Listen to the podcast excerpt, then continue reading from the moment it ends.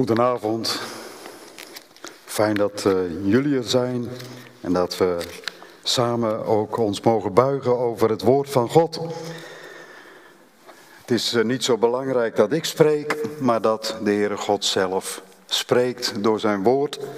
Het woord wat levend en krachtig is en wat scherper is dan enig tweesnijdend scherp zwaard en wat door wil dringen ook in de levens van zijn kinderen.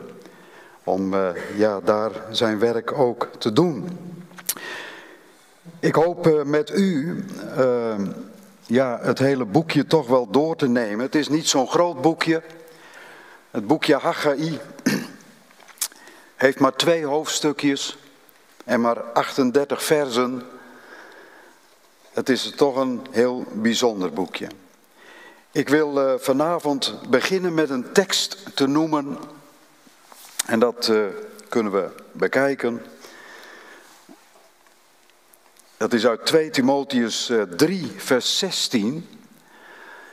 En ik werd daarbij bepaald omdat we natuurlijk uit het Oude Testament iets behandelen. En ik moet u zeggen, ik, ik, ik hou van het oude verbond, van het Oude Testament, van die geweldige boeken waarin we zo de Heere God ook leren kennen in wie Hij is en hoe Hij is en wat Hij wil. En hoe Hij soms zijn hart laat zien op een geweldige wijze. En ik vind het dan ook geweldig dat er staat, heel de schrift is door God gegeven, ingegeven of geademd en is nuttig om daarmee te onderwijzen. Dus de hele schrift omvat dit. Te weerleggen, te verbeteren en op te voeden in de gerechtigheid. Opdat de mens die God toebehoort volmaakt zou zijn, tot elk goed werk volkomen toegerust. Wat een diepe inhoud. Het betekent dus dat ook die geschriften uit het Oude Testament die gaan niet zozeer over ons, maar ze zijn wel voor ons. En het is nuttig, zo zegt dit vers, om dat ook te onderwijzen. Om daar ook mee bezig te zijn. We gaan dat vanavond doen.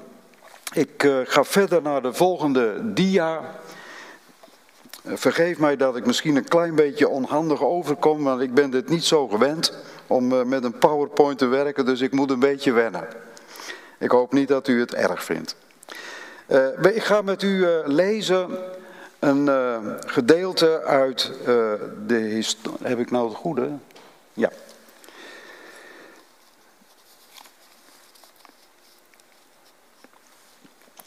Ik ga naar dia 4. Even kijken. Nee, ik zit dan wat niet. Ik ga te hard, denk ik. Ja. Historische tekst.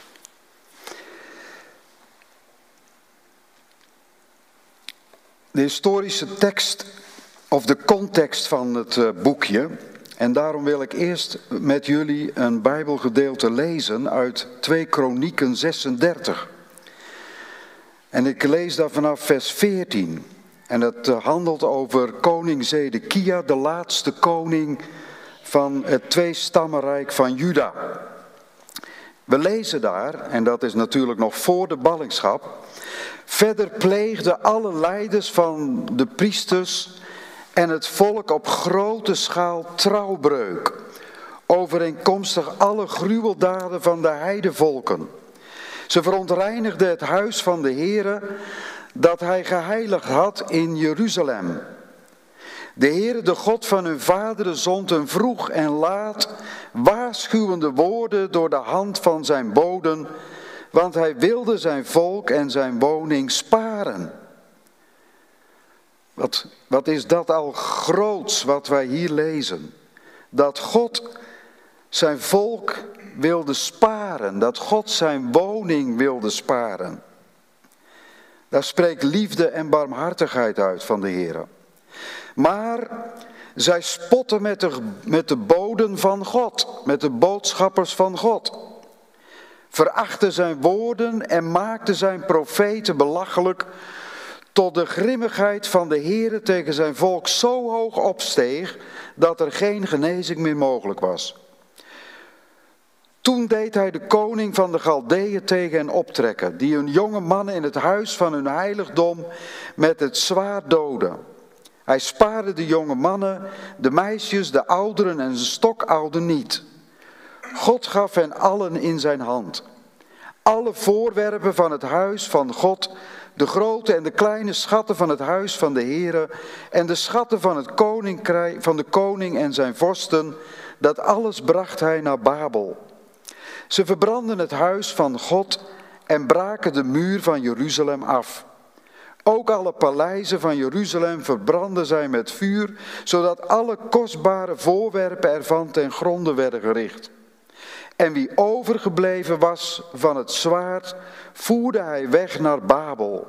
En zij werden hem en zijn zonen tot slaven, tot het koninkrijk van Perzië ging regeren.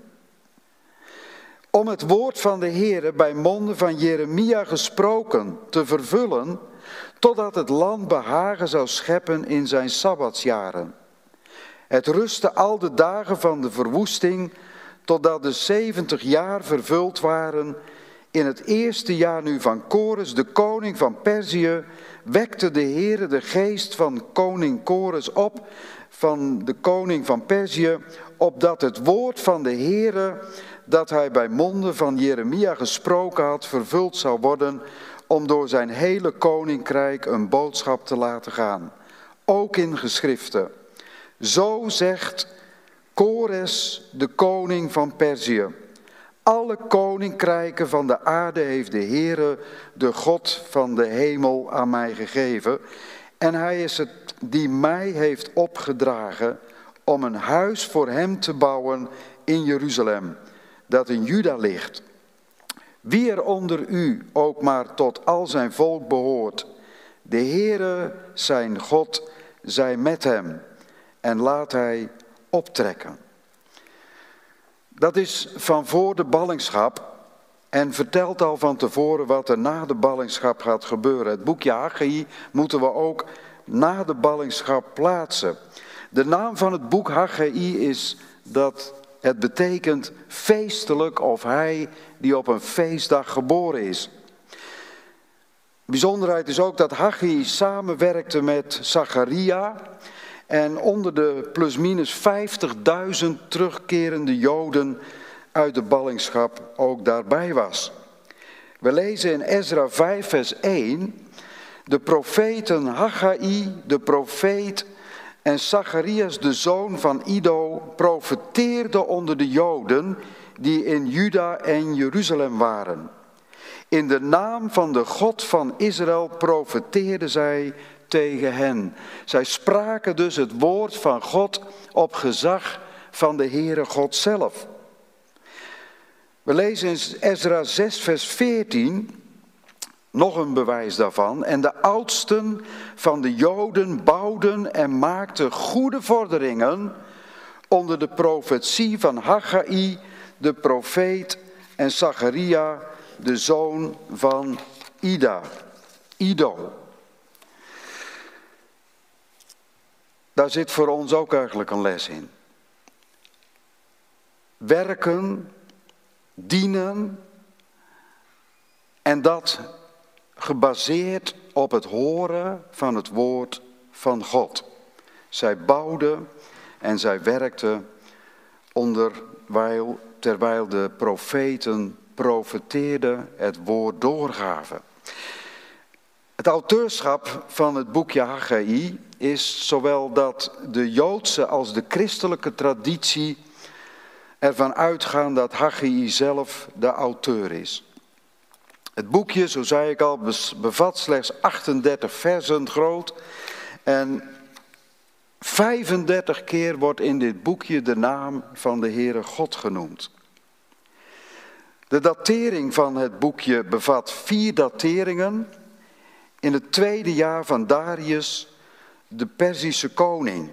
We lezen in Haggai 1, vers 1, in het tweede jaar van koning Darius in de zesde maand, op de eerste dag van de maand, kwam het woord van de Heere door de dienst van de profeet Haggai tot Serubabel, de zoon van Sealtiel, landvoogd van Juda, en tot Jozua, de zoon van Jozadak, de hoge priester.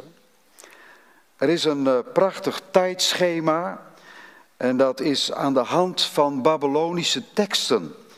En dat is best wel bijzonder omdat ja, dat heel nauwkeurig aan kan geven welke datums er daarbij horen.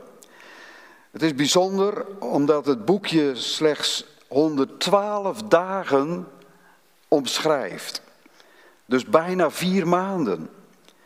Dus eigenlijk een hele korte tijd, een klein boekje, maar met een hele krachtige boodschap.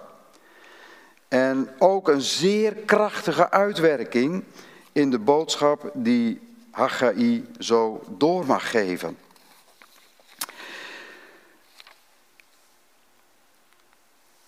We hebben hem zo net al even voorbij horen komen, koning Kores, de Perzische koning. Hij is een bijzondere persoon die op het toneel verschijnt als het gaat om het boekje Haggai.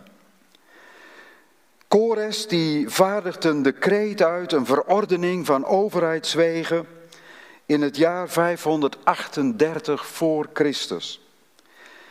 En we lezen in twee kronieken, we hebben het zo net ook gelezen, maar ik lees u die twee versen nog een keer, vers 22 en 23. In het eerste jaar van Kores, de koning van Perzië, wekte de Heere de geest van Kores op. Dus het was de Heere zelf die deze koning opwekte om iets te gaan doen. En er staat er, opdat het woord van de Heere dat hij bij monden van Jeremia gesproken had, vervuld zou worden, om door zijn hele koninkrijk een boodschap te laten gaan, ook in geschriften. Zo zegt Kores, de koning van Perzië, alle koninkrijken van de aarde heeft de Heere, de God van de hemel, aan mij gegeven. En dan leg ik weer de klemtoon erop. En hij is het die mij heeft opgedragen om het huis voor de hem te bouwen. In Jeruzalem, dat in Juda ligt. Wie er onder u ook maar tot al zijn volk behoort, de Heere zijn God toe, zij mogen gaan en laat hij optrekken.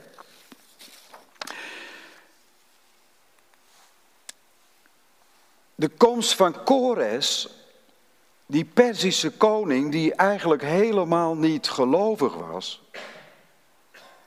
die de Heere helemaal niet kende, die is notabene 165 jaar eerder al door de profeet Jezaja voorzegd.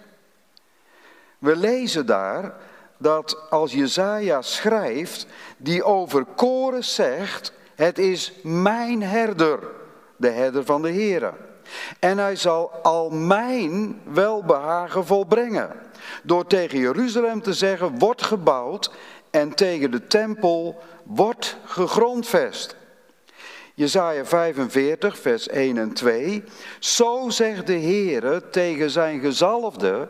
Let wel, hij wordt daar zelfs de gezalfde van de Heere genoemd tegen Kores, die ik vastgrijp bij zijn rechterhand, om de volken voor hem neer te werpen en de lendenen van koningen zal ik ontgorden, om deuren voor hem te openen. Poorten zullen niet gesloten worden, zelfs zal ik voor u uitgaan, het oneffene zal ik recht maken, bronzen deuren zal ik openbreken en ijzeren grendels stuk breken en wat er verder in dat Bijbelgedeelte volgt. Dus ver voor de ballingschap al aangekondigd, ver voordat deze man zelf geboren was. Vlak voor de ballingschap spreekt de profeet Jeremia. Ik moet zeggen, God spreekt bij monden van de profeet Jeremia. En ook hij heeft het voorzegd. In Jeremia 29, vers 10 tot 11, daar lezen we, want zo zegt de Heere, voorzeker pas wanneer er 70 jaren in Babel voorbij zijn, zal ik naar u omzien en over u mijn goede woord gestand doen. Let wel, ik wil steeds de klemtoon leggen op het woord, het spreken van God. God wil zijn woord gestand doen. Het gaat om de eer van God. En weet u, ik heb u dat gedeelte uit 2 Kronieken 36 gelezen. En we hebben daar gezien op welke verschrikkelijke manier het volk van God God buiten spel gezet heeft. En heel bewust de Heere God ja oneervol behandeld. Zijn hebben afgewezen, de profeten en wat zij zeiden, dat alles in de wind geslagen. En het is de Heere God die zich daar totaal niet van door van de wijs heeft laten brengen. Maar gewoon datgene doen wat in zijn draaiboek, wat hij in zijn regie heeft staan, dat gebeurt. Hij doet zijn woord gestand. En op een hele wonderlijke manier door deze Kores, ja, er als het ware van tevoren bij te roepen. Er staat, ik immers ken de gedachten die ik over u koester. Daar zit weer de liefde, de barmhartigheid, de genade van God in. We lezen in het boek Exodus, als de Heere God zich bekend maakt en aan Mozes voorbij gaat, dan staat er, de Heere, Heere, dan hoort hij dat roepen, Heere, Heere, God barmhartig en genadig, geduldig en rijk aan goede tierenheid en trouw, die goede tierenheid blijft bewijzen aan duizenden, die ongerechtigheden, overtredingen en zonde vergeeft, maar die de schuldige zeker niet onschuldig houdt, enzovoort. De Heere is barmhartig en genadig en hij koestert goede gedachten over het volk. Na de ballingschap. Spreek de Heere, staat er. Het zijn gedachten van vrede en niet van kwaad, namelijk om u een hoopvolle toekomst te geven. Deze chorus die heeft een hele duidelijke opdracht van de Heere God ontvangen. En we lezen dat in het boek Ezra. En het is uh, het boek Ezra en ook het boek Nehemia ja, wat tijdgenoten waren van Haggai en waaronder het overblijfsel van het volk ja, daar in Jeruzalem naartoe gegaan was en waar ja, Zacharias en ook Haggai profeteerden. En deze Kores die heeft de volgende opdrachten gegeven. U kunt dat lezen in het hele gedeelte in Ezra 1. Hij moedigde de Joden aan om terug te keren naar Jeruzalem. Hij moedigde hen aan om de tempel te herbouwen. En de achtergeblevenen moeten de teruggekerende financieel ondersteunen. Hij liet ook het gerei van het huis van de heren uit de Babylonische tempels tevoorschijn halen en stelde het onder het beheer van Sesbassar, de vorst van Juda. Dan krijgen we het vertrek van Zerubabel. Wij komen zijn naam al tegen in Haggai 1, vers 1. Maar Zerubabel is degene die leiding geeft wat betreft dat overblijfsel wat uit Jeruzalem vertrekt. En men doet dat vrijwillig en het blijken ongeveer maar 50.000 Joden te zijn. Daarom spreken we ook eigenlijk over een rest van het volk. Je zou kunnen zeggen, profetisch gezien, een gelovige rest, een gelovig overblijfsel, wat ingaat op de boodschap, de oproep van de Heere God om terug te keren naar Jeruzalem en daar de tempel te gaan herbouwen. We lezen dit zijn de bewoners van het gewest die optrokken uit de gevangenschap van de ballingen, die Nebukadnezar, de koning van Babel, in ballingschap had gevoerd naar Babel en die terugkeerde naar Jeruzalem en naar Judea, ieder naar zijn eigen stad, die meekwamen met Serubabel, Jesua, Nehemia en er worden er nog een hele hoop namen genoemd. In Haggai 1 vers 1 lezen we dan ook die naam Zerubabel, de zoon van Sealtiel, landvoogd van Juda. Zij kwamen dus met Serubabel mee. Hij gaf leiding aan die stoet. Onder leiding van hen zijn ze naar Jeruzalem voltrokken, getrokken. Zijn naam betekent gezaaid in Babel. Hij is waarschijnlijk daar geboren. En hij was uit het koninklijke geslacht van David. Het was een kleinzoon van koning Joachim, Joachim die in ballingschap naar Babel werd weggevoerd. Zerubabel. Zerubabel wordt in 538 dus voor Christus landvoogd van de provincie Judea. En hij richt samen met Jesua en hun broeders de eredienst in.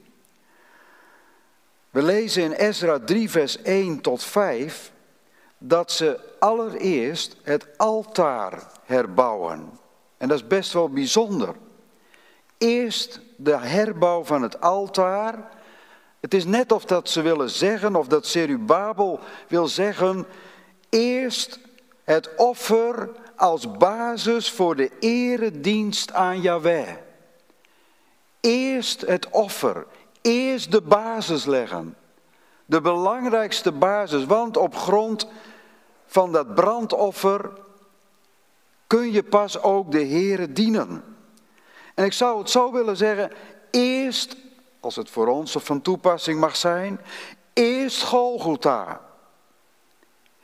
Eerst Golgotha als basis voor onze eredienst aan Hem. Je kunt God niet dienen als je niet eerst bij Golgotha bent geweest.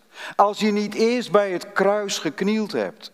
Als je niet eerst je leven hebt overgegeven aan Jezus Christus en beleden hebt dat Hij voor jou daar in jouw plaats aan het kruishout stierf. Dat Hij daar dat volkomen offerlam, dat volkomen brandoffer wilde zijn. Waarmee Hij ook de basis, het fundament heeft gelegd voor de geboorte van de gemeente van Jezus Christus.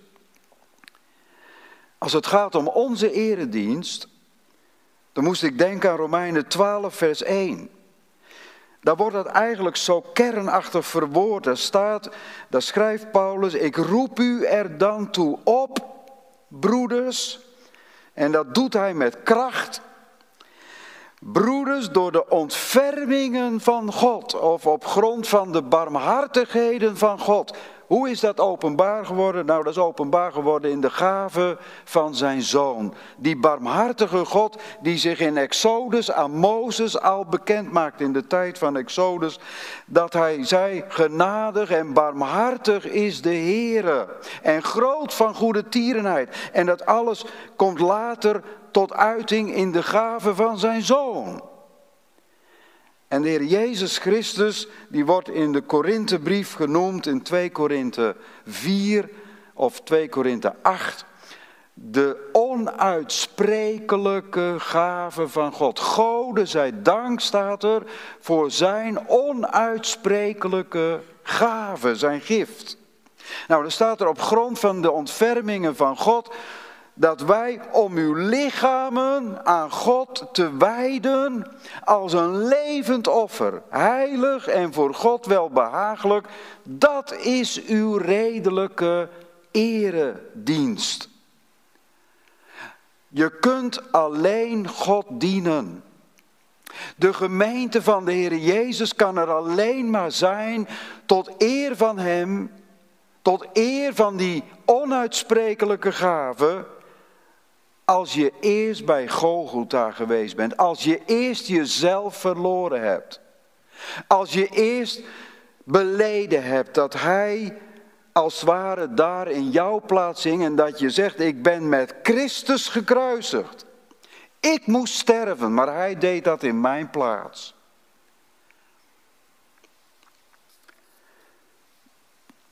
Dan lezen we over, vervolgens over de begin van de herbouw van de tempel. En dan wordt het fundament gelegd in 536 voor Christus. En daarover lezen we in hoofdstuk 3 van het boek Ezra, vers 6 tot 13. En dan kun je ook gelijk de vraag stellen. Dus eerst dat offer, dat brandofferaltaar. Toen begon men aan het fundament. En hoe belangrijk is het fundament voor een huis? Of hoe belangrijk is het fundament voor het huis van de Heer? Wat kun je bouwen als je geen fundament hebt?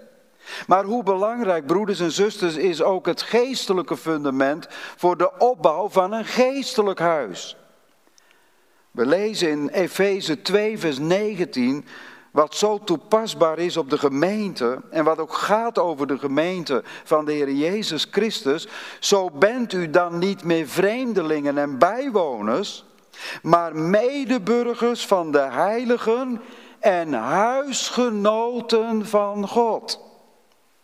Gebouwd op het fundament van de apostelen en profeten. Niet dat de apostelen en de profeten fundamenten zijn op zich, maar wat zij mochten leren, wat zij mochten doorgeven. Zij mochten als het ware de basis leggen door het brengen van het evangelie. Het gaat hier niet over de profeten van het Oude Testament, maar over de profeten, de woordenvoortbrengers, de predikers, de onderwijzers in het Nieuwe Testament onder de gemeente. En dan staat er, gebouwd op het fundament van de apostelen en profeten, waarvan Jezus Christus zelf de hoeksteen is.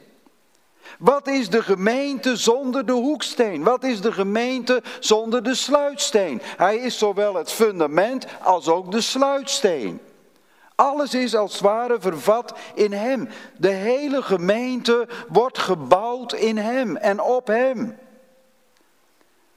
waarvan Jezus Christus zelf de hoeksteen is en op wie het hele gebouw, op wie de hele gemeente, zou je kunnen zeggen, goed samengevoegd, verrijst tot een heilige tempel in de Here, op wie ook u mede gebouwd wordt tot een woning van God in de geest. Een geestelijk huis. Een geestelijke tempel. We lezen daar ook van in 2 Petrus of in 1 Petrus 2. Daar staat, en kom tot hem, de levende steen, door de mensen wel verworpen, maar bij God kostbaar uitverkoren en kostbaar. En Laat u zelf ook als levende stenen gebruiken voor de bouw van een geestelijk huis om een heilig priesterschap te vormen in het brengen van geestelijke offers die, let wel, God welgevallig zijn door Jezus Christus. Alles wat u en ik mogen doen als wij er mogen zijn als levende stenen, kunnen we alleen maar levende stenen zijn wanneer wij in aanraking gekomen zijn met de levende steen, met Christus zelf.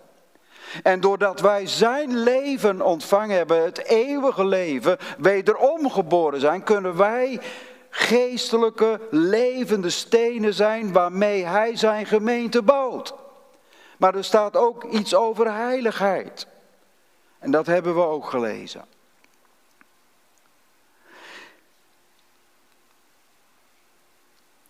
Ik zou best graag over dit onderwerp door willen gaan. Want het raakt ook ons hart. Als wij hier spreken over de herbouw van de tempel. En als we dan zien hoe de toestand was. Nou ja, ik kom daar zo op terug. We kunnen daar zoveel van leren, broeders en zusters. En laten we nooit vergeten dat het evangelie, dat het geestelijke huis van God, dat dat een heilig huis is. Dat wij geheiligd zijn in Christus als levende stenen. En dat ook wij een heilig priesterschap vormen om geestelijke offers te brengen. Tot welgevallen van God, tot eer van God. Ik ga even verder. Zerubabel kwam terug. Ze herstelde het altaar. Ze begonnen met de bouw van het fundament, van het leggen van het fundament. En je zou kunnen zeggen, ze zijn nog maar net bezig met een werk wat in opdracht van de Heere God plaatsvond. En direct heb je daar al de tegenstand. Nou, we horen vandaag de dag veel over nepnieuws. Nou, dat gebruikt de tegenstander ook. Ik lees u voor, de, toen de tegenstanders van Juda en Benjamin hadden gehoord dat de ballingen een tempel bouwden voor de Heere, de God van Israël, kwamen zij naar Zerubabel toe en naar de familiehoofden en zij zeiden tegen hen, laten wij samen met u bouwen, want zoals u zoeken ook wij uw God. Het volk van het land, van het land ontmoedigde het volk van Juda en zij joegen hun schrik aan bij het bouwen.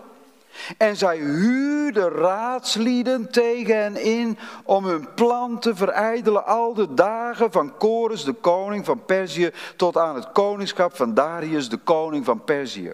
Enzovoort, enzovoort.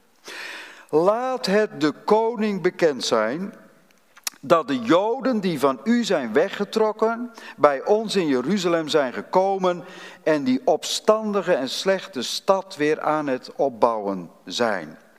Dat lezen we in vers 12. En dat betekent dat zij een brief schrijven aan koning Artahasasta. Het lijkt wel pasta. Een moment, even een glaasje water.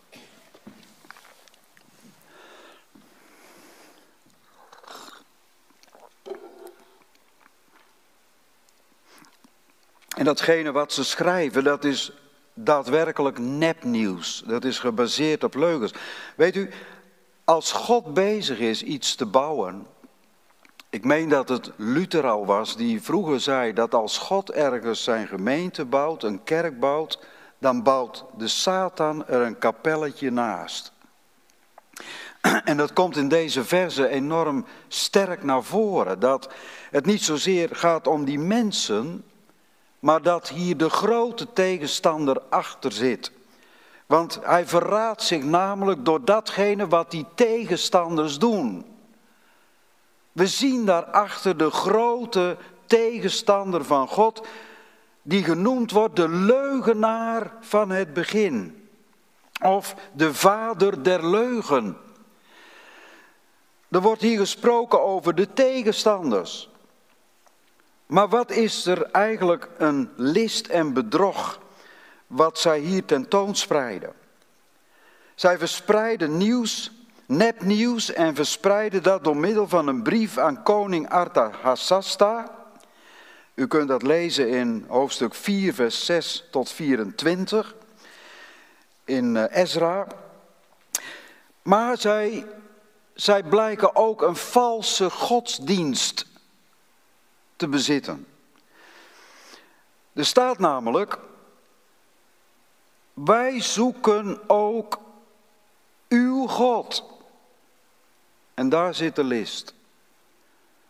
Zij doen net of ze mee willen bouwen, dat zij affiniteit hebben met dat werk wat God begonnen is te doen in Jeruzalem. Namelijk het herbouwen van de tempel tot eer van God. Maar zij, zij verraden zich door te zeggen, wij zoeken ook uw God. Het was hun God niet. Het lijkt heel mooi, het lijkt heel religieus, maar de Satan verraadt zichzelf. Ze worden niet voor niets genoemd in vers 1 de tegenstanders van Juda. En dat komt eruit. Nee, zij ontmoedigen als ze niet mee mogen doen. Zij ontmoedigen het volk. Zij maken hem bang, zij jagen hen schrik aan. Zij proberen met alles wat in hun is de dienst aan de Heere God lam te leggen. En weet u, het gaat niet zozeer om dat fundament of om dat gebouw. Nee, het gaat altijd om de Heere God. Dat huis moest gebouwd worden, zodat God weer te midden van het volk zou kunnen zijn. En zij hun eredienst konden houden en de Heere God konden eren met hun offers. In principe gaat het erom bij de tegenstander dat God geen eer krijgt. Maar dat de tegenstander er altijd op uit is om zelf de eer naar zich toe te trekken. En wat ook opvallend is in deze versen is dat de Satan, de tegenstander van God, die slaapt nooit. Want het is niet zomaar een enkel moment dat ze daarmee bezig zijn om, dat, om hen schrik aan te jagen en, en, en, en ze te ontmoedigen. Nee, er staat al de dagen van Kores tot aan het koningschap van Darius toe. Zo waren ze daarmee bezig om de plannen voor de herbouw te verijdelen. Nou, dat had best wel impact toch op het volk, zo blijkt. Want het wordt uiteindelijk de reden dat ze stoppen met bouwen. Het fundament is gelegd. Dan komt de tegenstand. En, het, en, in eerste instantie zullen ze daar misschien niet naar geluisterd hebben, maar die tegenstand wordt feller. En die koning, die Persische koning die er op dat moment regeert, die wordt ingeschakeld, die krijgt nepnieuws leugens voorgeschoteld en die geeft bevel dat het moet stoppen. En zij luisteren blijkbaar naar het bericht, naar het bevel van deze koning.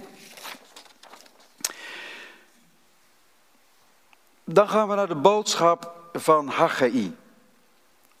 En dan komen we bij het boekje Haggai, bij de woorden die hij heeft gesproken. En dat vindt plaats in het eerste jaar van koning, tweede jaar van Darius, de koning van Perzië. En dat is in het jaar 520 voor Christus. En dan vinden we daar de indeling van het boekje, van het boek Haggai.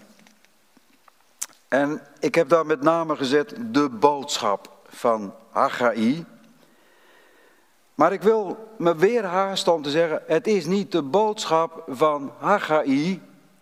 Het is de boodschap, het is het woord van God, wat God spreekt bij monden van Haggai en ook van Zacharia. De indeling van het boekje laat zich als volgt uitleggen. Er zijn vier boodschappen die gebracht worden. In een zeer korte tijd, in een tijdsbestek van nog geen vier maanden. De eerste boodschap is de aansporing om de tempel te herbouwen. De tweede boodschap is de belofte over de heerlijkheid van de nieuwe tempel. De derde boodschap die Haggai brengt, geeft aan het belang van gehoorzaamheid en heiliging. En dat sluit aan bij datgene wat ik in het begin gezegd heb. Dat ook wij als gelovigen gebruikt worden voor de bouw van een geestelijk huis. En hoe belangrijk het is dat ook wij een heilig priesterschap vormen. Dat wij ons niet verontreinigen of ongehoorzaam zijn. Maar dat wij heiliging zoeken. Dat wil zeggen dat wij in die afzondering dicht bij de Here blijven, op Hem afgestemd blijven. En dan de vierde boodschap houdt in de belofte van een wereldwijd koningschap onder leiding van de Messias, van wie Zerubabel een type is. De eerste boodschap, dus de aansporing om de tempel te herbouwen. Wat zegt ons het eerste vers van Haggai 1? Dat bepaalt ons inderdaad bij de boodschap van God. In het tweede jaar van koning Darius, in de zesde maand, op de eerste dag van de maand kwam het woord van de Heere door de dienst van de profeet Haggai tot Zerubabel, de zoon van Sealtiel, landvoogd van Juda, en tot Josia, Jozua, de zoon van Jozadak, de hoge priester.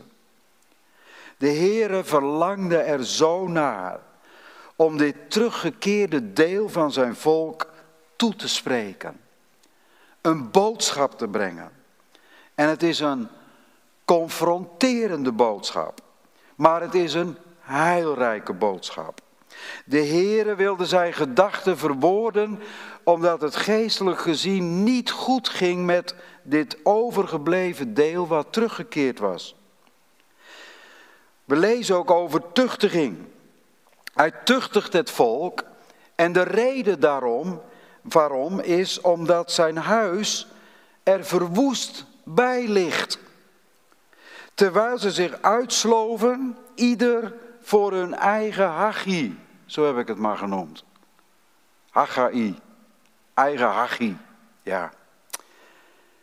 Weet u, 16 jaar heeft dat werk stilgelegen.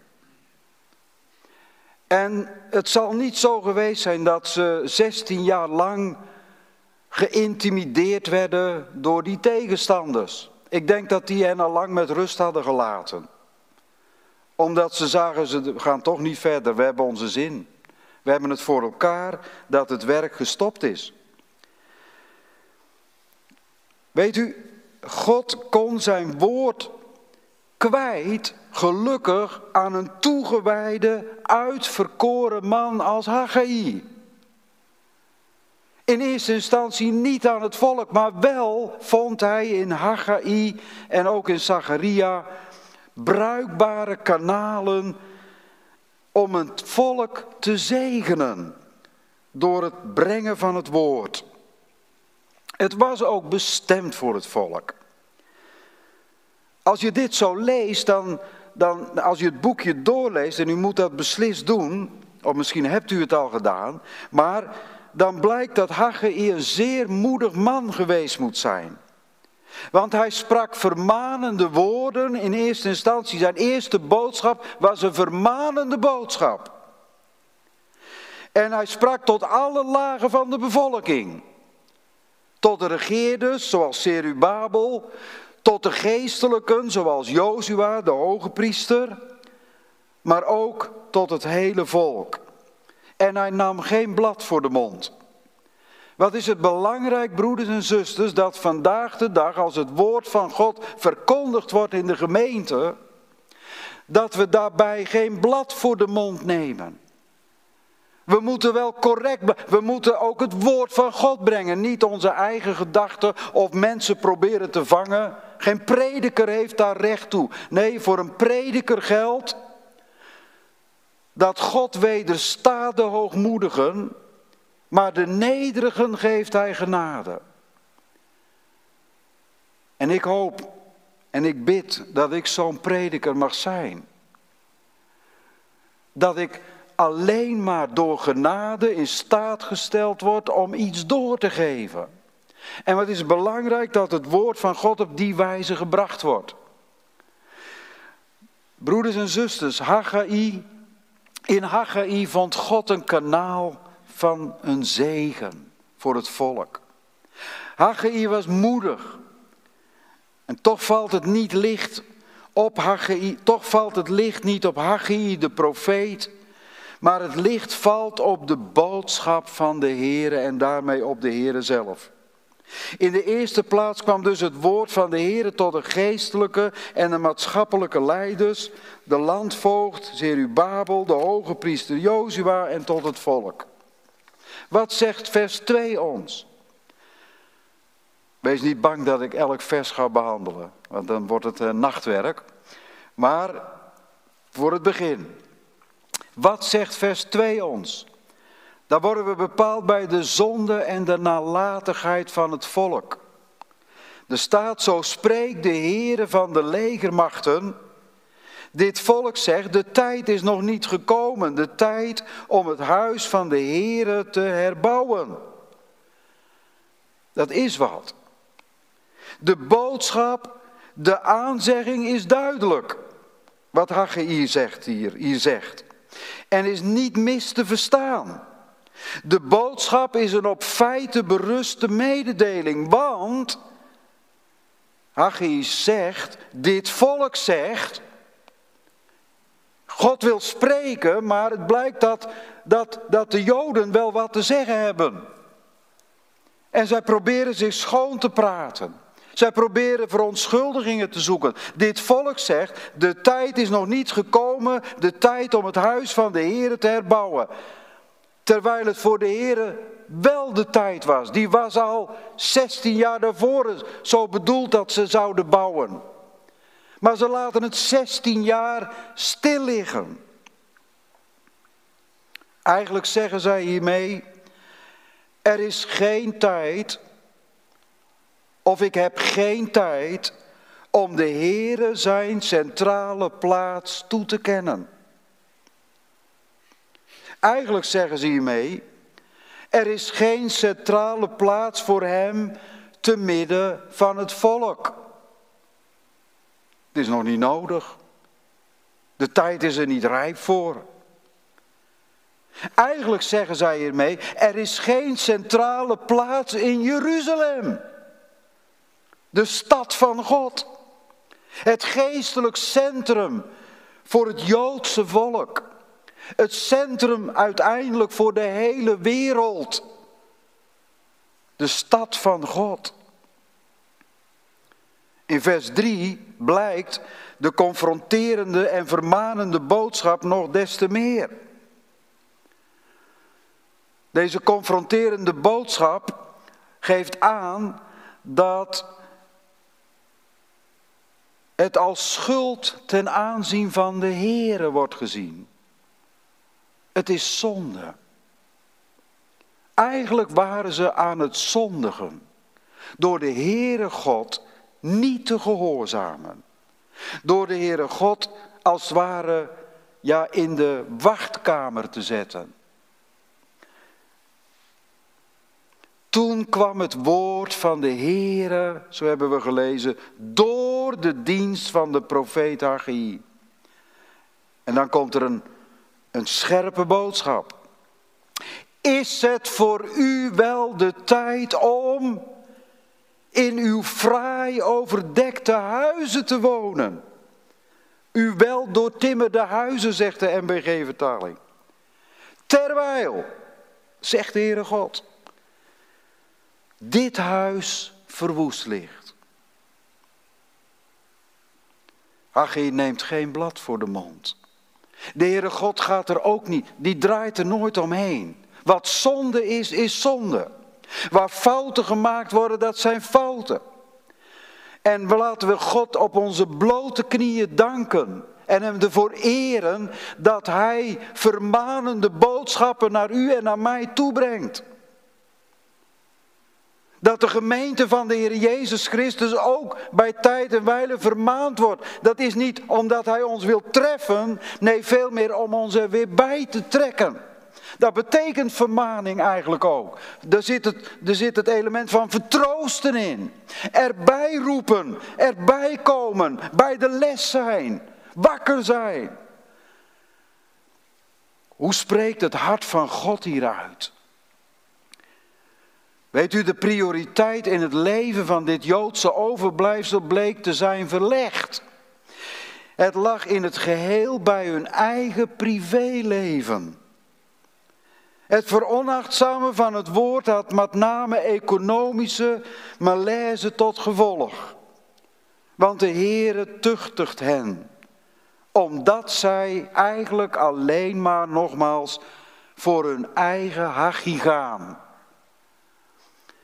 Ja, ik weet niet hoe het hier in de gemeente is of hoe het in de gemeentes is van degenen die vanavond luisteren en kijken. Hoe het met de gemeente is in Nederland. Maar ik denk als we dit zo lezen en hier dieper over nadenken, dat we dan wel een toontje lager gaan zingen. Want ik denk dat wij met name in een tijd leven, ja, dat er is in Nederland wordt er vandaag de dag in mijn zin ja, is er nog nooit zoveel gedraafd voor eigen huis. En oké, we hebben er allemaal programma's van op televisie, eigen huis en tuin of zo, weet ik het allemaal. Hè? En uh, programma's over huizen en over inrichten van huizen. En uh, ik denk dat wij als christenen, ja, dat we niet achterblijven. Althans, ik hoop het wel. Dat, u mag natuurlijk in een groot huis wonen, u mag rijk zijn, we mogen rijk, daar is niks meer. Maar hebben wij ons hart daarop gezet? Heeft God alleen nog maar een plaatsje in het schuurtje, om het zo maar te zeggen? Eigenlijk was het daar zo. Men had wel tijd voor zichzelf, maar geen tijd voor de Heer en de dienst aan Hem. En het gevolg was, hierdoor lag niet alleen het huis van de Heer er in een vervallen toestand bij, maar, daar hadden ze niet mee gerekend, ook hun eigen geestelijke leven leek op een onbewoonbaar verklaarde woning. Het leven van deze, deze gelovige Joden die wel bij elkaar kwamen om offers te brengen of om het Loofhuttenfeest te vieren. En de eerste maand hun offers te brengen, elke eerste van de maand. Ja, dat deden ze allemaal wel. En toch bleek dat hun geestelijk leven, hun relatie tot God, dat er eigenlijk niets van trust te vinden was. Ik heb het maar een onbewoonbaar verklaarde woning genoemd. Weet u, dat had u vroeger van die huizen, tegenwoordig zie je dat niet meer. Maar vroeger had je oude huizen en dan werd het gevaarlijk om daarin te gaan. En dan werd er, werd er een bord opgedaan aan de buitenkant. Onbewoonbaar verklaarde woning, verboden om daarin te gaan. Uit eigen veiligheid, voor eigen veiligheid moet ik zeggen. Nou, wij als jongens gingen juist in zulke woningen. Want dat vonden we mooi. Maar, oké, het had tot gevolg dat er een enorme economische crisis veroorzaakt door mislukte oogsten. Er kwam op een bepaald moment gebrek aan alles. Het leek iedere keer dat er veel was, maar als er uiteindelijk gekeken werd en geteld werd, dan bleek het toch eigenlijk niets te zijn. En kwam er gebrek. Ja, ik weet wel hoe dat komt. Want als we denken aan Psalm 23, waar, waar David zegt, de Heer is mijn herder. En als de Heer je herder is, als je hem laat leiden door hem, ja, dan, dan kun je ook zeggen, mij ontbreekt niets. Want dan is de Heere alles. Bij de Heere haalt geen huis het of geen bezit het. Je kunt alles hebben, maar het valt in het niet bij wie de Heer is. Het valt in het niet bij de dienst voor de Heer, in het leven en een relatie met de Heer. Ja, de Heer is mijn herder, maar daar was geen sprake meer van. En toch roept God hen opnieuw op om de tempel te herbouwen in het zevende en in het achterste vers. Zo zegt de Heere van de legermachten. Hij schudt ze wakker. Zo zegt de Heere van de legermacht, let aandachtig op uw wegen. En daar staat eigenlijk letterlijk, overdenk met uw hart uw wegen. Het ging God om hun hart. Ga het gebergte in, haal hout en herbouw dit huis, dan zal ik er behagen in scheppen en verheerlijkt worden, zegt de Heere. Dan zal ik verheerlijkt worden. Dat is het verlangen van de Heere God. En wat zo geweldig is. In Haggai 1, vers 12 tot 14, daar lezen we dan het volgende. Toen luisterde Zerubabel, de zoon van Sialtiel, met Jozua, de zoon van Jozadak, de hoge priester en heel het overblijfsel van het volk. Toen luisterden ze naar de stem van de Heere, hun God. Zie je het? Het woord van God begon door te dringen tot hun hart.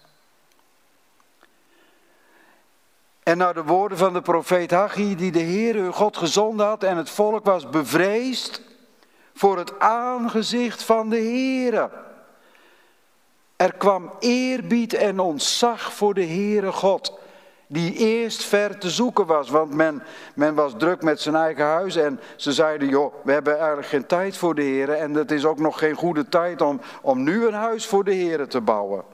Die kunnen we eigenlijk nog niet gebruiken. Maar hier zien we dat door het horen en het luisteren naar de stem van de Heer hun harten geraakt worden en er verootmoediging en ontzag en respect voor de Heere God ontstaat voor het aangezicht van de Heer. In vers 13 staat, daarop sprak Haggai de bode van de Heer.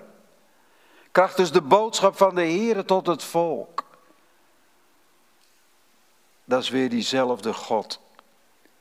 Waar Mozes een ontmoeting mee had. Daar staat er, krachtens de boodschap van de Heer tot het volk. Ik ben met u, spreekt de Heer. Is dat niet geweldig? Wat een genadig en barmhartige God hebben wij. Wat een liefdevolle God. Wat een God die met ontferming over ons, over zijn volk, over de gemeente van de Heer Jezus bewogen is. Dat hij ondanks ons struikelen, ondanks de struikelingen, ondanks de afwijkingen van het volk, ondanks de zonde van nalatigheid, dat hij toch investeert door het woord naar ze toe te brengen en ze toe te roepen. En wat geweldig dat ze luisteren en hij ziet dat. En dan komt de Heer, ik ben met jullie. Ik ben met jullie. Wat een getroost, wat een geweldige bemoediging, wat een kracht ligt daarin. We lezen in Hebreeën 13, als het gaat over gelovigen. Er staat van, wees tevreden met wat gij hebt. Ja. En dan staat er ook van, uh, ja, uh, waarom? Hij zal u geen zins begeven of verlaten. Daarom kunnen wij met vertrouwen zeggen: De Heere is mij een helper, ik zal niet vrezen. Weet je, als wij luisteren naar de Heere God, als wij gehoorzamen, als wij eerbied en ontzag voor Hem hebben, als wij beseffen geheiligd te zijn, apart gezet te zijn voor Hem, dan hoeven we nooit bevreesd te zijn. Dan hoeven we er nooit aan te twijfelen dat Hij ons alleen laat. Dat Hij ons loslaat. Nee, niemand kan ons uit zijn hand roven. Dan is het zo dat Hij ook met ons is, dat Hij ons nooit zal. En dat Hij ook nog zegt, hij is mijn helper. Een helper, groot van kracht. Er is een oud lied in Johan de Heerbundel. Wij zingen hem nog wel eens. Ik hoop dat u hem hier ook nog wel eens zingt. Daar is een helper, groot van kracht en steeds bereid. Hij hoort als vriend naar elke klacht.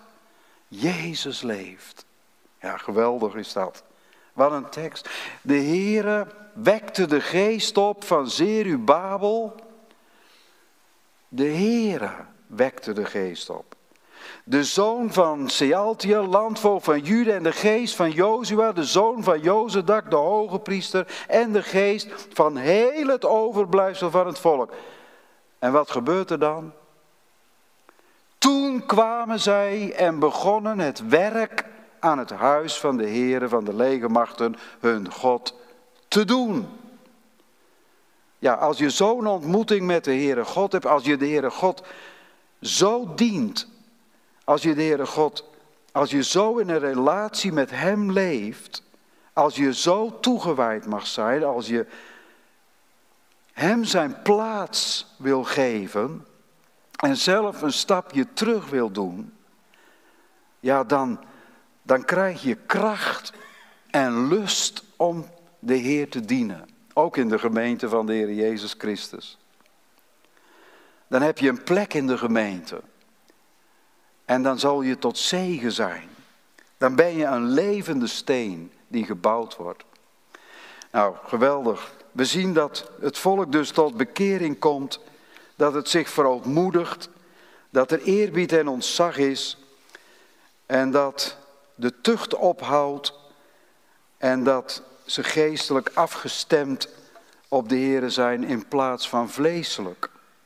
De tweede boodschap. Hoeveel tijd heb ik nog? Ben ik al een uur bezig of niet? Ik weet het niet. Uh, de boodschap, de tweede boodschap over de heerlijkheid van de nieuwe tempel. We lezen in 2 vers 8 tot 10. Ik zal dit huis vullen met heerlijkheid, zegt de Heere van de legermachten. Van mij is het zilver en van mij is het goud, spreekt de Heere van de legermachten. De heerlijkheid van dit toekomstige huis zal groter zijn dan die van het eerste, zegt de Heere van de legermachten.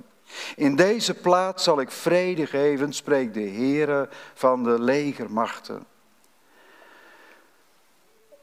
Vers 4 handelt eigenlijk over de nieuwe tempel in wording, uh, die zij daar aan het bouwen zijn. En dan, dan, dan, dan is het eigenlijk minder waardig in de ogen van het volk. Want er zijn erbij, of er zijn erbij die dat niet meegemaakt hebben, maar wellicht nog denken en weten van hoe de tempel van Salomo eruit zag. Nou, als je daarvan leest hoeveel goud, hoeveel tonnen aan goud daarin verwerkt is en zilver, ja, dan was dit maar een heel schamel gebouwtje in hun ogen. Maar uh, ja, in de ogen van het volk was het dus een beetje minder waardig. En uh, ze zijn er eigenlijk verdrietig over.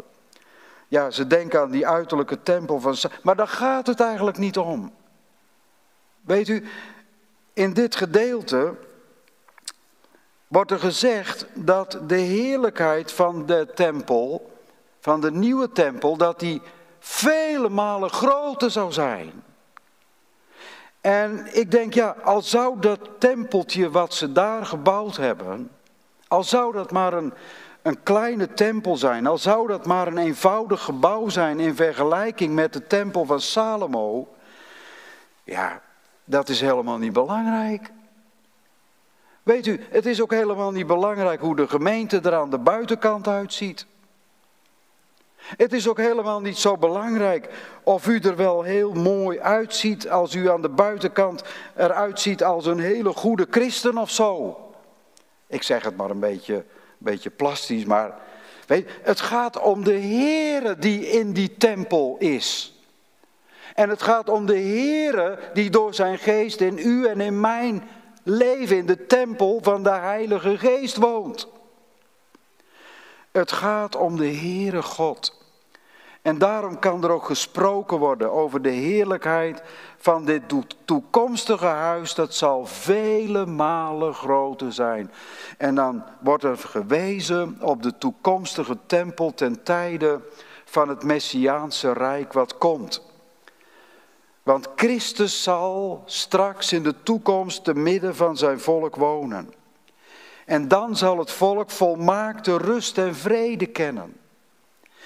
In hoofdstuk 40 en tot en met hoofdstuk 48 van het boek Ezekiel wordt over deze toekomstige tempel en haar dienst uitvoerig gesproken. En die zal plaatsvinden tijdens het duizendjarig rijk. Dan zal die tempel daar zijn. En dan zal de Heer daar zelf in zijn. Dan zal de heerlijkheid van die tempel ja, daar zijn. En we lezen dan ook in Jezaja, die profeteerde met betrekking tot deze toekomstige tempel het volgende. Voorzeker de kustlanden zullen mij verwachten en de schepen van Tarsus zullen de eerste zijn om uw kinderen van verre te brengen. Hun zilver en hun goud met hen naar de naam van de Heer uw God, naar de Heilige van Israël, want Hij heeft u verheerlijkt. Vreemdelingen zullen uw muren herbouwen. En koningen zullen u dienen. Want in mijn grote toren heb ik u geslagen. Maar in mijn welbehagen heb ik mij over u ontfermd. Dit is nog toekomstig, hè? Uw poorten zullen steeds openstaan. Dag en nacht zullen ze niet gesloten worden.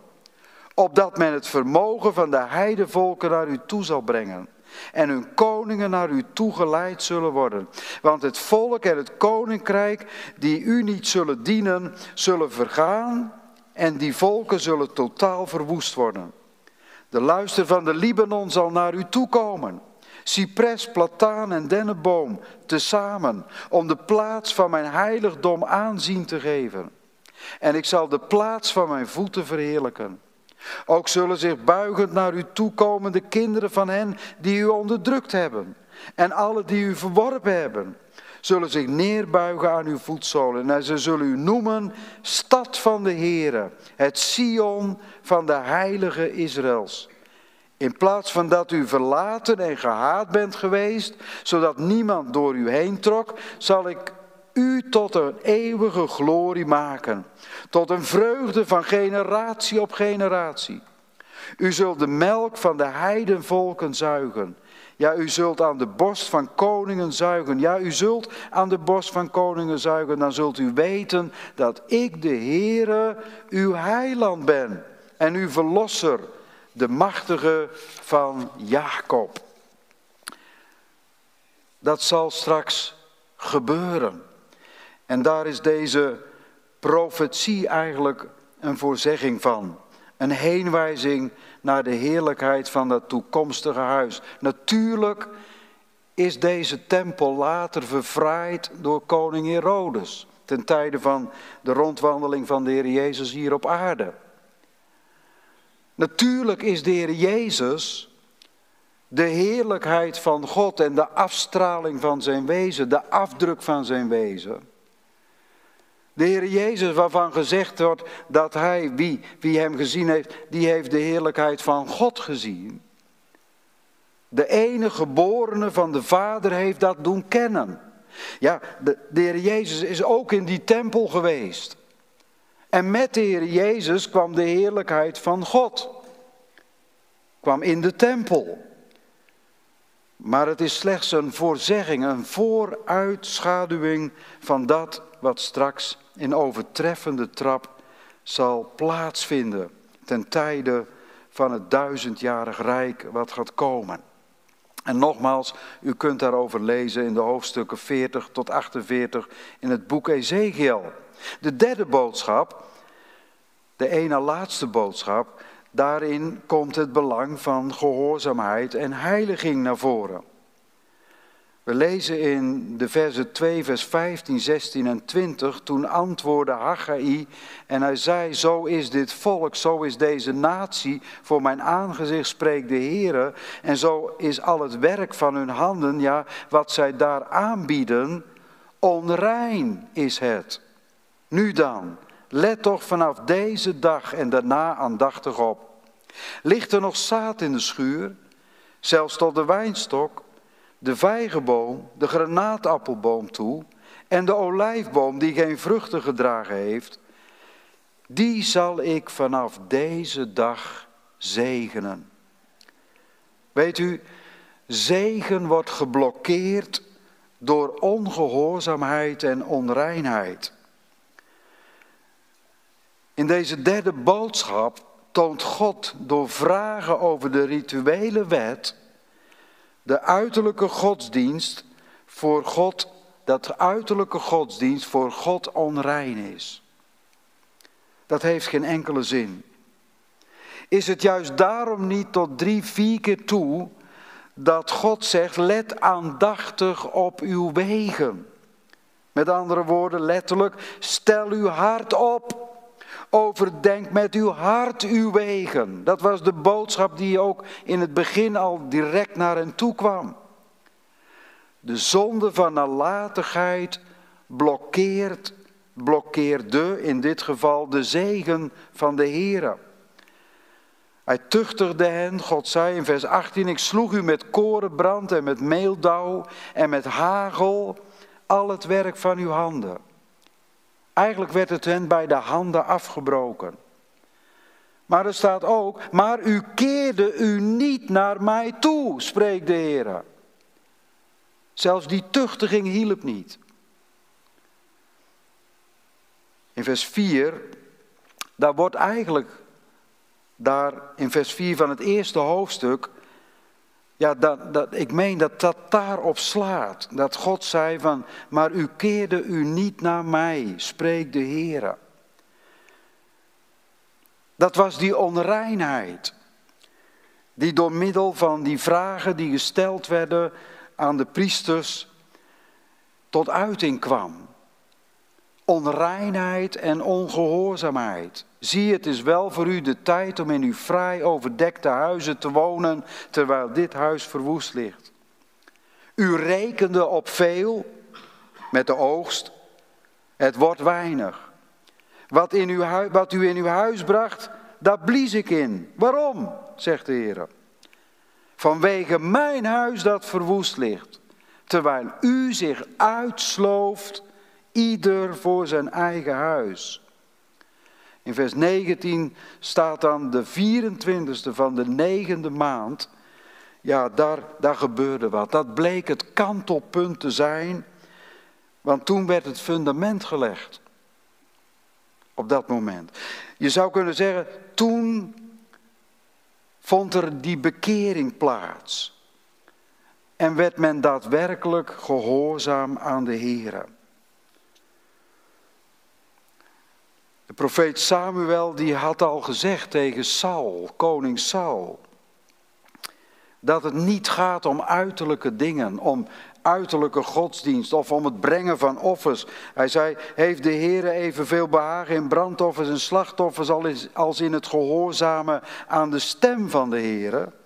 Zie, gehoorzaamheid is beter dan slachtoffers. De laatste. Moet hier een beetje snel doorheen. De vierde boodschap in het boekje Haggai. En dat vertelt ons over de wereldwijde het wereldwijde koningschap onder leiding van de Messias van wie Zerubabel een type is.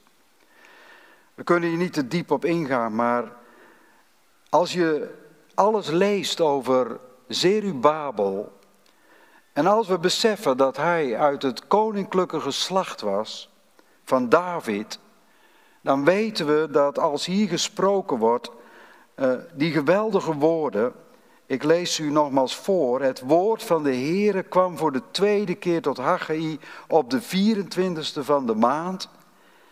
Zeg tegen Zerubabel, de landvoogd van Juda. Hij was dus uit het geslacht van David. En hij staat ook in het geslachtsregister van de Heer Jezus in Matthäus 1, vers 12. Ik zal doen beven de hemel en de aarde.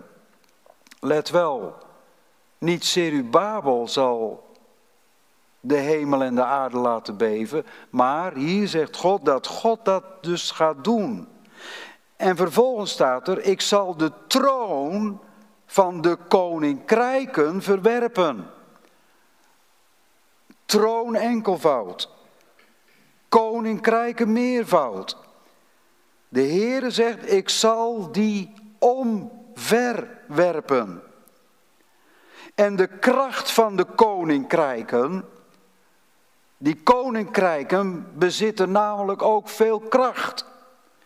En de troon die daarop zit, die blijkt ook enorm veel macht te hebben. Waarschijnlijk een enkelvoudige troon, één persoon, een machtig persoon die op een troon zit en die heerst over alle koninkrijken van de aarde. Zoals eens Nebukadnezar regeerde, de machthebber was over de toenmalige wereld. En een beeld liet maken waarvan hij het gouden hoofd was. En waarvan drie, vier rijken worden uitgebeeld. De vier wereldrijken die ook hier op aarde zijn. Waarvan er al drie geweest zijn. En het vierde nog komt. Ja, een machthebber over meerdere koninkrijken. Ik zal de wagen met zijn bereiders omverwerpen, de paarden en hun ruiters zullen neerstorten, ieder door het zwaard van zijn broeder. Deze volken, deze koninkrijken zullen zich ook op een bepaald moment tegen zichzelf keren. Zoals we ook in de, in de Bijbel wel verschillende keren tegenkomen. Dat bijvoorbeeld de Filistijnen op een bepaald moment elkaar in de haren vliegen. Er ontstaat zo'n enorme verwarring door een oordeel wat komt. Waar de Heer zijn hand in heeft dat ze zich tegen elkaar keren. Het was ook in de tijd van Gideon. Toen de Midianieten op de vlucht sloegen en elkaar te grazen namen. Vanuit de verwarring waarin zij terechtgekomen waren. Die troon, die machthebber, die heerser over de volken zal weggevaagd worden. Plus alle koninkrijken met hem. Waarschijnlijk wordt hier gesproken over het grote Babylon. Wat we ook tegenkomen in Openbaringen 13, waar dan gesproken wordt over het beest uit de zee. In Jesaja 47, vers 5 wordt er ook over een machthebber gesproken en over koninkrijken profetische woorden. Er staat, zit neer in, zij zit neer in stilzwijgen, ga in het duister, dochter van de Galdeën. Babylon wordt vergeleken met een hoer, met een vrouw. En hier wordt gesproken, hier werd al gesproken door Jezaja, over de dochter van de Galdeën. Want men zal u niet meer noemen gebiedster van koninkrijken. Hier zie je dus dat deze gebiedster, deze persoon enkelvoud, een gebiedster was, een machthebber, heerste over koninkrijken. En zo zal het ook zijn. In Openbaringen 17 vinden we daar ook iets van terug, vers 19 van vers 17, eh, vers 19 en vers 18. En dan staat er, en de vrouw die u gezien hebt is de grote stad, die koninklijke heerschappij voert over de koningen der aarde. Dus enkelvoud en meervoud. Op die dag, lees ik dan, in Haggai 2, vers 24, op die dag spreekt de Heere van de legermachten, zal ik u, Zerubabel, de zoon van Sealtiel, en dan noemt hij hem mijn dienaar, ik zal jou nemen, spreekt de Heere, en ik zal u maken tot een zegelring. Dat wil zeggen dat deze Zerubabel, en we mogen echt denken aan de Heer Jezus Christus in de toekomst. Dat wil zeggen dat hem grote autoriteit ten deel zal vallen. Dat hij de koning der koningen zal worden. En dat hij uiteindelijk, ja, als de grote machthebber, de oordelen zal voltrekken. Ja, de Bijbel die zegt dat zo heel duidelijk op vele plaatsen. Dat de Heer Jezus straks ook komt om te oordelen. Ja, hij zal autoriteit hebben, want hij zal doen, wat hij zal doen, dat, dat is onherroepbaar. Daar wijst die zegelring op. Uh, koning Ahasveros had ook een zegelring. De, en Esther, eh, die, die wist daar ook van. En Mordechai ook. En als die zegelring van de koning, als je die meekreeg. En alles wat bezegeld werd met die zegelring, dat was onherroepbaar. Dat ging absoluut door. Dat kon niemand meer tegenhouden. Dat vindt zijn vervulling. En zo wordt Zerubabel, of zo wordt de Heer Jezus Christus straks de zegelring in de hand van God. En zal datgene wat hij doet door niets of niemand tegengehouden kunnen worden. Dat zal zijn vervulling vinden. Want zo staat er, want u heb ik verkozen. De Heere heeft hem verkozen. Spreek de Heere van de legermachten. Ik sluit af met een vers uit Zacharias 6, vers 11. En u kunt daar ook over lezen in Jeremia 23, vers 5 tot 8. En dan gaat het over de spruit, die die, waarover gesproken wordt in het boek Zacharias. Zal wellicht de volgende keer aan de orde komen. Die spruit met een hoofdletter verwijst naar de Heer Jezus Christus, naar de koning der koningen, die gaat komen.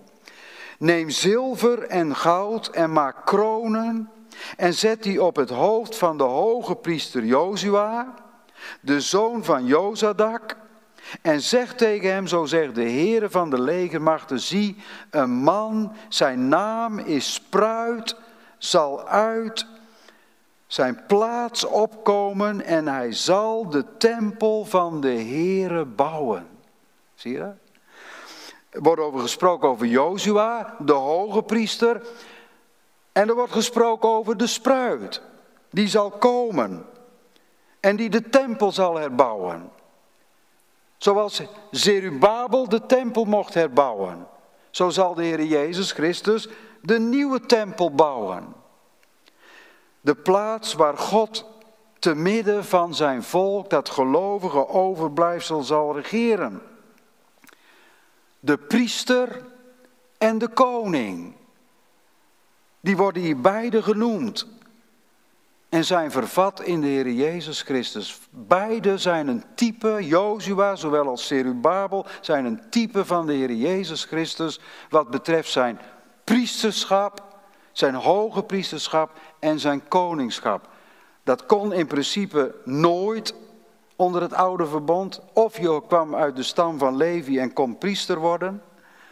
Of je kwam uit de stam van Juda en je werd koning. Maar nooit tegelijk. Dat kon niet, die twee ambten. Maar bij de Heer Jezus was dat in één persoon en wordt dat straks in één persoon zichtbaar en vervat. Ja, er staat er in vers 13, hij zal de tempel van de Heere bouwen en hij zal met majesteit bekleed zijn. Hij zal zitten en heersen op zijn troon.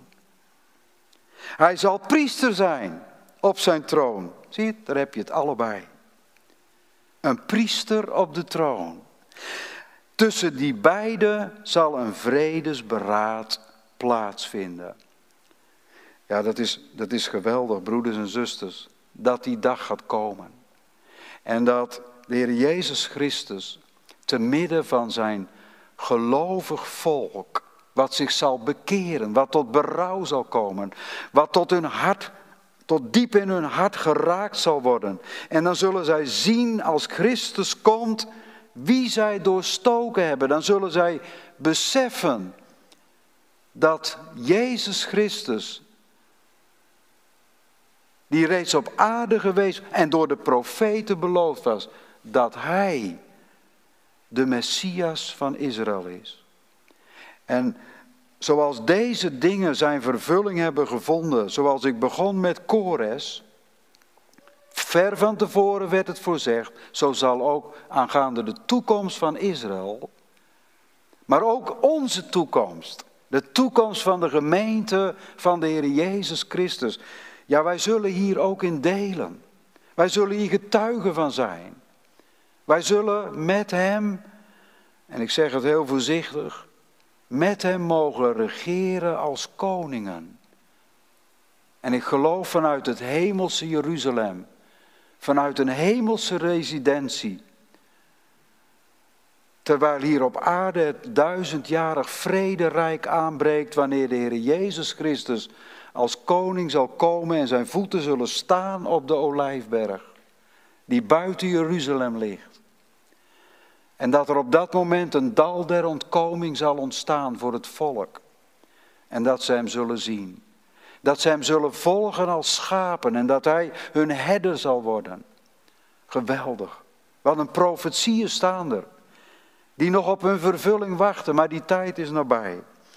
En ik denk dat we echt in deze tijden leven, dat het niet lang meer kan duren dat de Heer Jezus Christus gaat komen voor ons als gemeente en wij Hem tegemoet mogen gaan in de lucht en voor altijd bij de Heer zullen zijn, maar dat Hij ook gaat komen naar deze wereld en dat de oordelen zullen losbreken over deze aarde, waar we eigenlijk nu al de contouren van zien.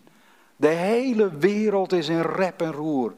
Wat er nu gebeurt in de Oekraïne, het heeft grote gevolgen. Het heeft grote economische gevolgen. Zelfs zover dat de Wereldvoedselbond, heet dat geloof ik, van de VN, zich grote zorgen maken omdat de graanschuur niet alleen van Europa, maar de graanschuur van de hele wereld. Want daar worden volken die honger lijden, worden vanuit de Oekraïne gevoed. U kunt het horen in het nieuws. En het wordt straks alleen nog maar erger als je leest over de zeven zegels. Als je leest over de zeven bezuinen.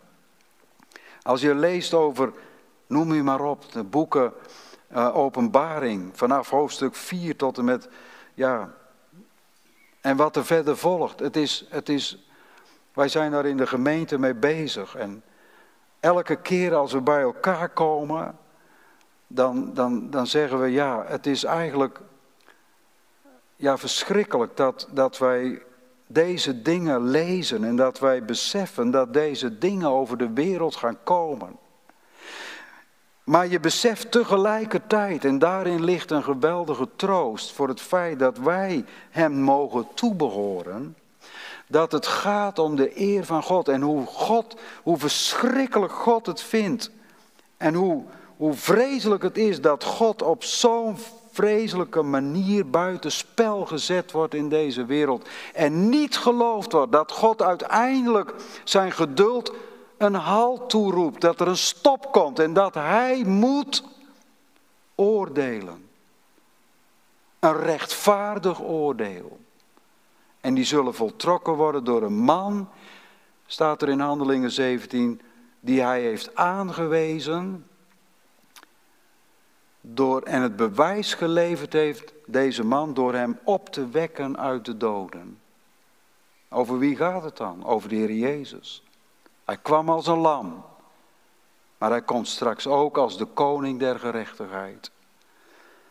Mag God ons zegenen en mag deze boodschap van het boekje Haggai ja, ook uw hart raken en ons helpen om en ons, ons aanzetten om, om toch echt ens te maken met een heilig en gehoorzaam leven in relatie met de Heer.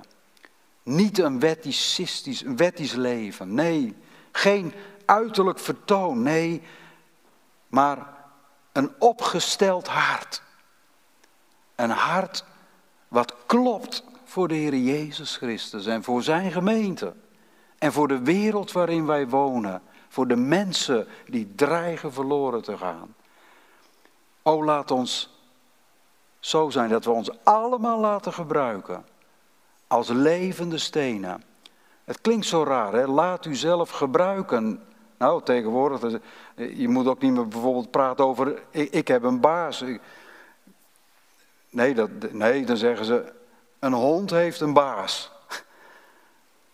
Weet je, een mens is zo met zichzelf bezig. En we leven in een tijd dat het helemaal draait om het ik. En het wordt alleen maar erger.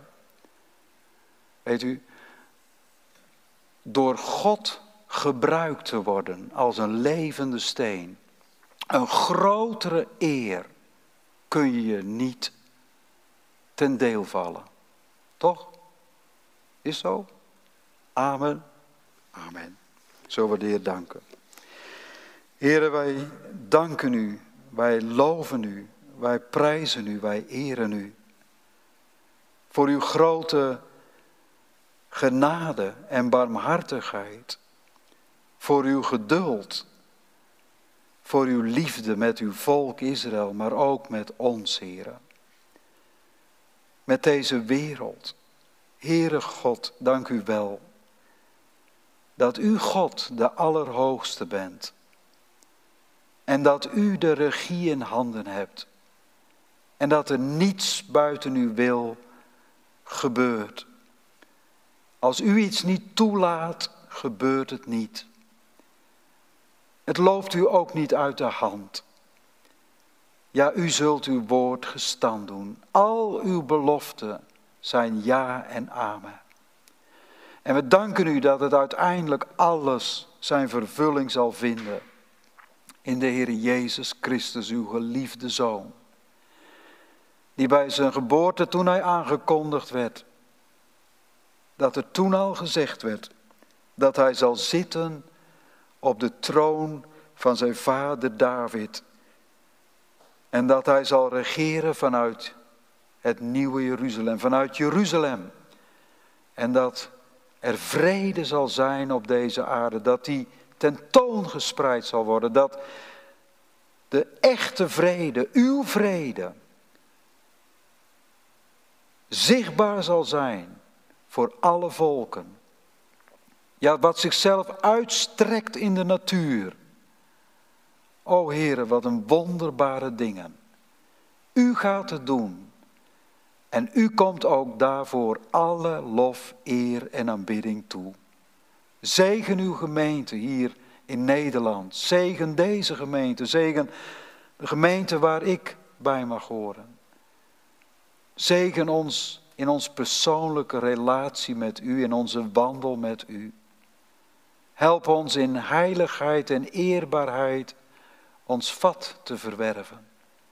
Zodat ons vat als het ware gevuld is met u.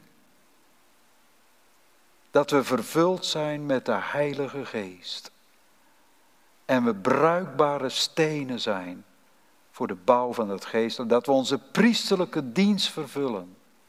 Heere, zegen uw volk het Joodse volk. We bidden, heren, voor de bekering van vele Joden nog. We bidden u ook, Heer, voor de vervulling van uw belofte ten aanzien van uw volk. We bidden, Heer, voor de vervolgde kerk. We bidden voor de Oekraïne.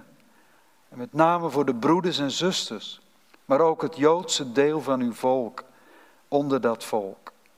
We bidden u, Heer, voor de enorme nood die er op het ogenblik is. We bidden u voor hen die stervende zijn door oorlogsgeweld. O, dat ze nog zich zullen keren tot u. Nu het nog kan. Heere God, ontferm u over deze toestanden, Heer. Heer, we leggen het bij u neer. We hebben niet overal een antwoord op.